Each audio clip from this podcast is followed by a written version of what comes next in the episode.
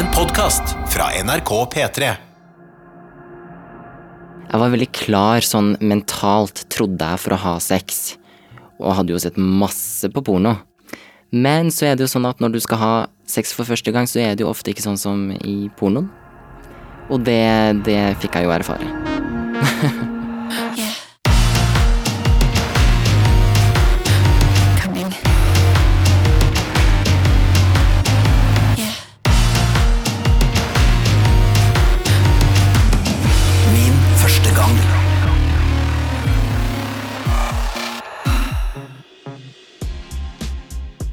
Jeg husker min første erfaring med porno var jo eh, inne på Popit. Det var en side for barn.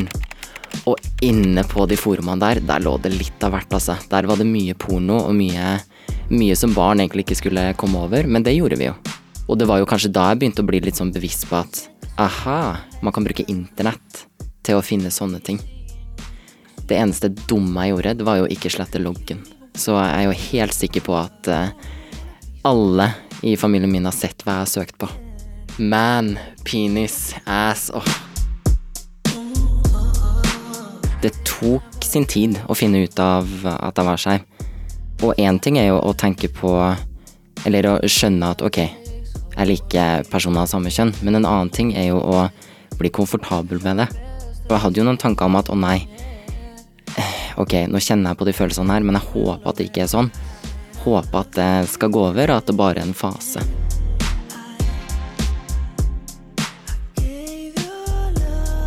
Og siden jeg ikke var helt komfortabel med hva jeg følte, følte på, og hva, hva jeg tente på, så var det jo nettet som på en måte var litt redningen, da.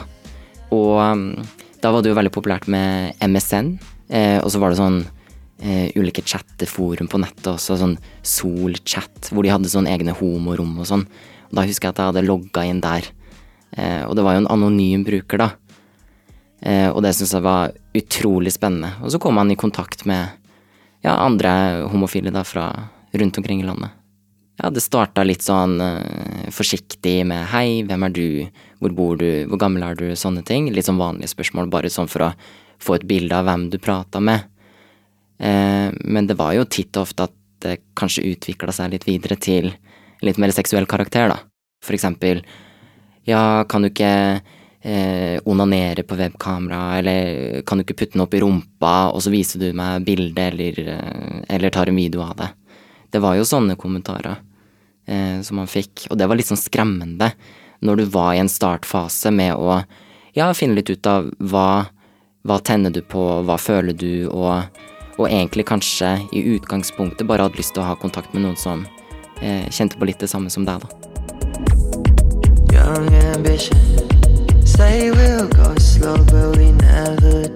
Jeg fikk jo noen relasjoner, jeg gjorde det. Jeg husker han første, han var ganske gammel. Han var vel sånn slutten av 30-åra. Eh, så det var, det var altfor gammelt. Vi prata jo veldig lenge, eh, så han ble jo som en slags venn, men det var også en seksuell karakter over det.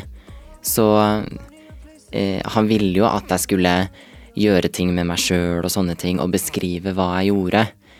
Så um, nå som jeg er voksen, så skjønner jeg jo det at det der var jo ikke innafor i det hele tatt. Han som ja, godt voksen mann, og jeg som 13 år gammel gutt, det, det var ikke helt greit. Men det skjønte jo ikke jeg som barn, da. Så derfor holdt jeg det for meg sjøl, og da lærte jeg jo heller ikke at det kanskje ikke var helt innafor.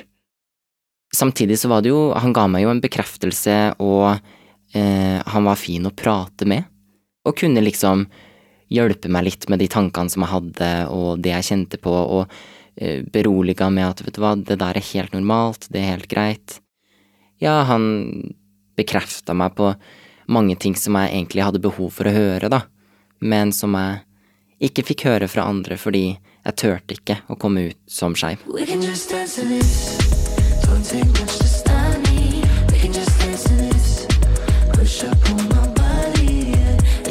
Jeg flytta jo da jeg var sånn 13-14 år fra Namsos, eh, og da flytta jeg til en annen, litt mindre by, men på Østlandet, da.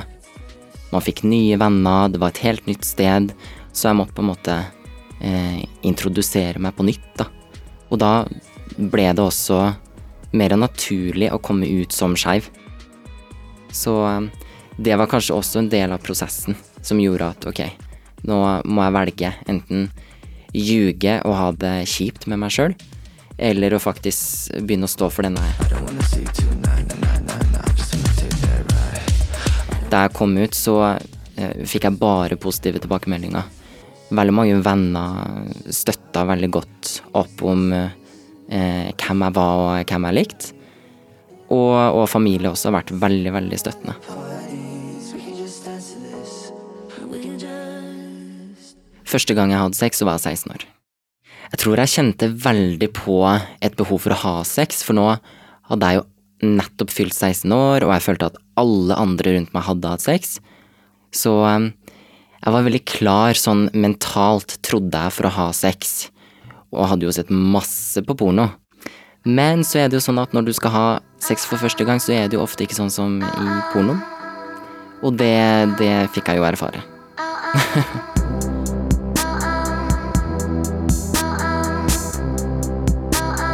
det var med en person som jeg hadde prata ganske lenge med på nettet.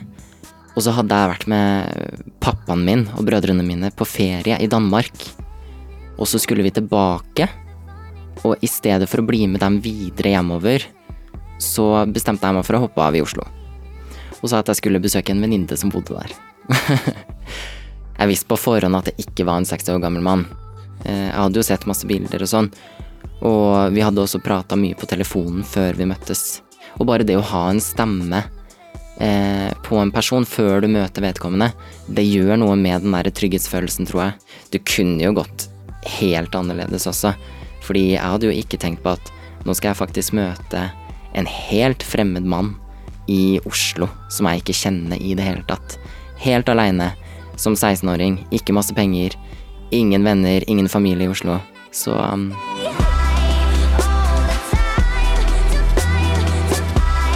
husker vi avtalte at vi skulle møtes utenfor eh, Pascal ved Slottsparken der. Så da jeg satt der og venta på han, og så kom han tuslende, og så gikk vi en tur, og så prata vi, og så hadde vi skikkelig god kjemi, og så ja. Vi endte opp hjemme hos han. Han bodde i en leilighet i Bygdøy allé som var ja, det var sånn helt grei Oslo-størrelse, kanskje sånn 50 kvadratmeter. Helt hvite vegger, og litt sånn hybelpreg over det. Så eh, det var veldig koselig. Og det å på en måte få være i en ekte Oslo-leilighet med en ekte Oslo-mann, det var jo dødsspennende og skikkelig kult.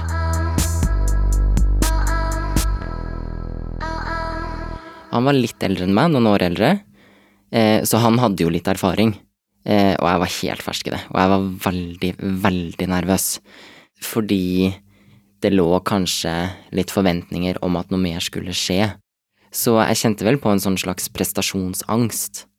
Jeg hadde jo fått en øl, da, eh, og jeg var egentlig ikke noe vant til å drikke, så den gikk jo rett i fletta på meg. Og så husker jeg det at ok, nå må jeg prøve å prestere, da, nå skal jeg prøve å gjøre sånn som de gjør på pornoen. Og det gikk jo greit i forhold til kyssing og sånn. Det, det hadde jeg jo gjort før, så det var, det var null stress. Eh, når det kom til oralsex, så ble jeg med en gang veldig mye mer usikker.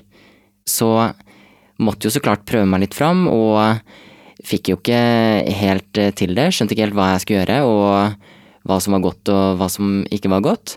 Men heldigvis så var han jeg hadde sex med, en Han var veldig flink til å på en måte si, vet du hva, det her det her funker fint, det er digg, men vi trenger ikke hvis du ikke vil.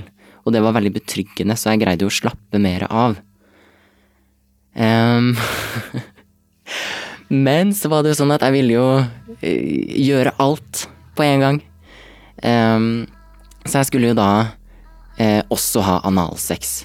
Og jeg hadde jo, skjønte jo ikke hvordan man skulle gjøre det, men hadde jo sett på porno at der var det bare å sette seg rett nedpå. Eh, og det anbefaler jeg ingen å gjøre. Eh, rumpa, det rumpehullet er jo veldig stramt. Det er jo en stram muskel. Eh, og det er ikke noe naturlig glid. Så hvis du prøver å putte noe inn der, så, så gjør det jo så klart utrolig vondt hvis du ikke er eh, avslappa, hvis du ikke er klar nok, hvis du ikke er tent nok, eh, og hvis du ikke bruker glid, da. Og han trodde bare at vi skulle ha litt vorspiel. Så han lå jo på senga, og var jo klar med stiv pikk og hele pakka. Og jeg tror ikke han helt skjønte det, at jeg bare hadde tenkt å sette meg rett nedpå. Men det gjorde jeg jo. Penisen hans, den kom jo inni meg. Men siden det var så vondt, så intenst vondt, så hoppa jeg opp derifra. Og jeg ble liggende i fosterstilling og bare Det var nesten så jeg begynte å grine, men jeg ble jo så flau òg. Først så måtte han jo bare berolige meg om at jeg ikke hadde skada meg og ødelagt rumpa mi, liksom. Det var jo det jeg var redd for. Jeg tror han reagerte med å bli litt uh, overraska. Jeg tror ikke han kanskje helt catcha det at jeg var så uerfaren som det jeg var. Det var ingen som hadde prata med meg om eh, homosex. Hvordan har man analsex, liksom? Det visste jo ikke jeg. Det var absolutt en referanse fra porno. Og der, der ser man jo ikke at eh, du må faktisk forberede deg hvis du skal ha analsex, eksempel. Og det med kommunikasjon, at man prater sammen. Man lærer jo ikke noe av sånne ting.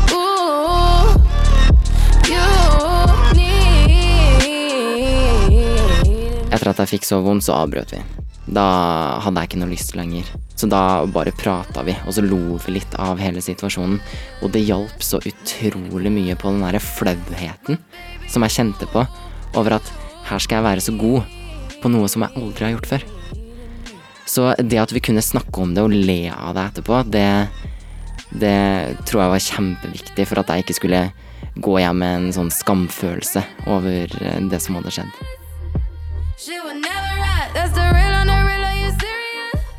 Så det Da ble det ikke noe analsex, da, den gangen der. Men vi tok det jo igjen. Og eh, han endte jo også opp som eh, kjæresten min. Og vi var sammen i fire år.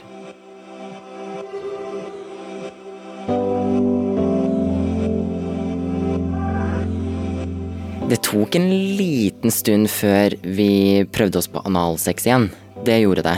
Men vi gjorde jo masse annet. Og det er jo så mye digg man kan gjøre. Altså, det er oralsex, og man kan massere hverandre, og Ja, det var utrolig mye som vi gjorde, da. Utenom analsex. Og det var veldig bra at vi tok den tiden. For jeg tror at hvis jeg hadde pusha det, så hadde jeg aldri på en måte kommet meg over den der, eh, den der å bli komfortabel med det. Da brukte vi god tid, og vi brukte glidemiddel, og vi huska på kondom, for det var jo heller ikke noe som jeg tenkte på.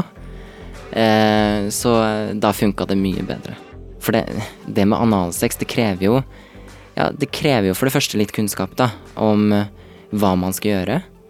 Og også vite litt eh, rundt det med anatomi og sånn. Og vite hvordan man skal slappe av, rett og slett. Så det er noe med å lære seg å kjenne kroppen sin også. Tusen takk til Einar. En ny historie om seksuell debut får du om en uke. Min første gang er produsert av Rubicon for NRK. Produsent Ingrid Torjesen, research Ebba Skjølberg Eiring, lyddesign Viljar Losnegård og redaktør i NRK Jan Egil Odland. Du har hørt en podkast fra NRK P3. Hør flere podkaster i appen NRK Radio.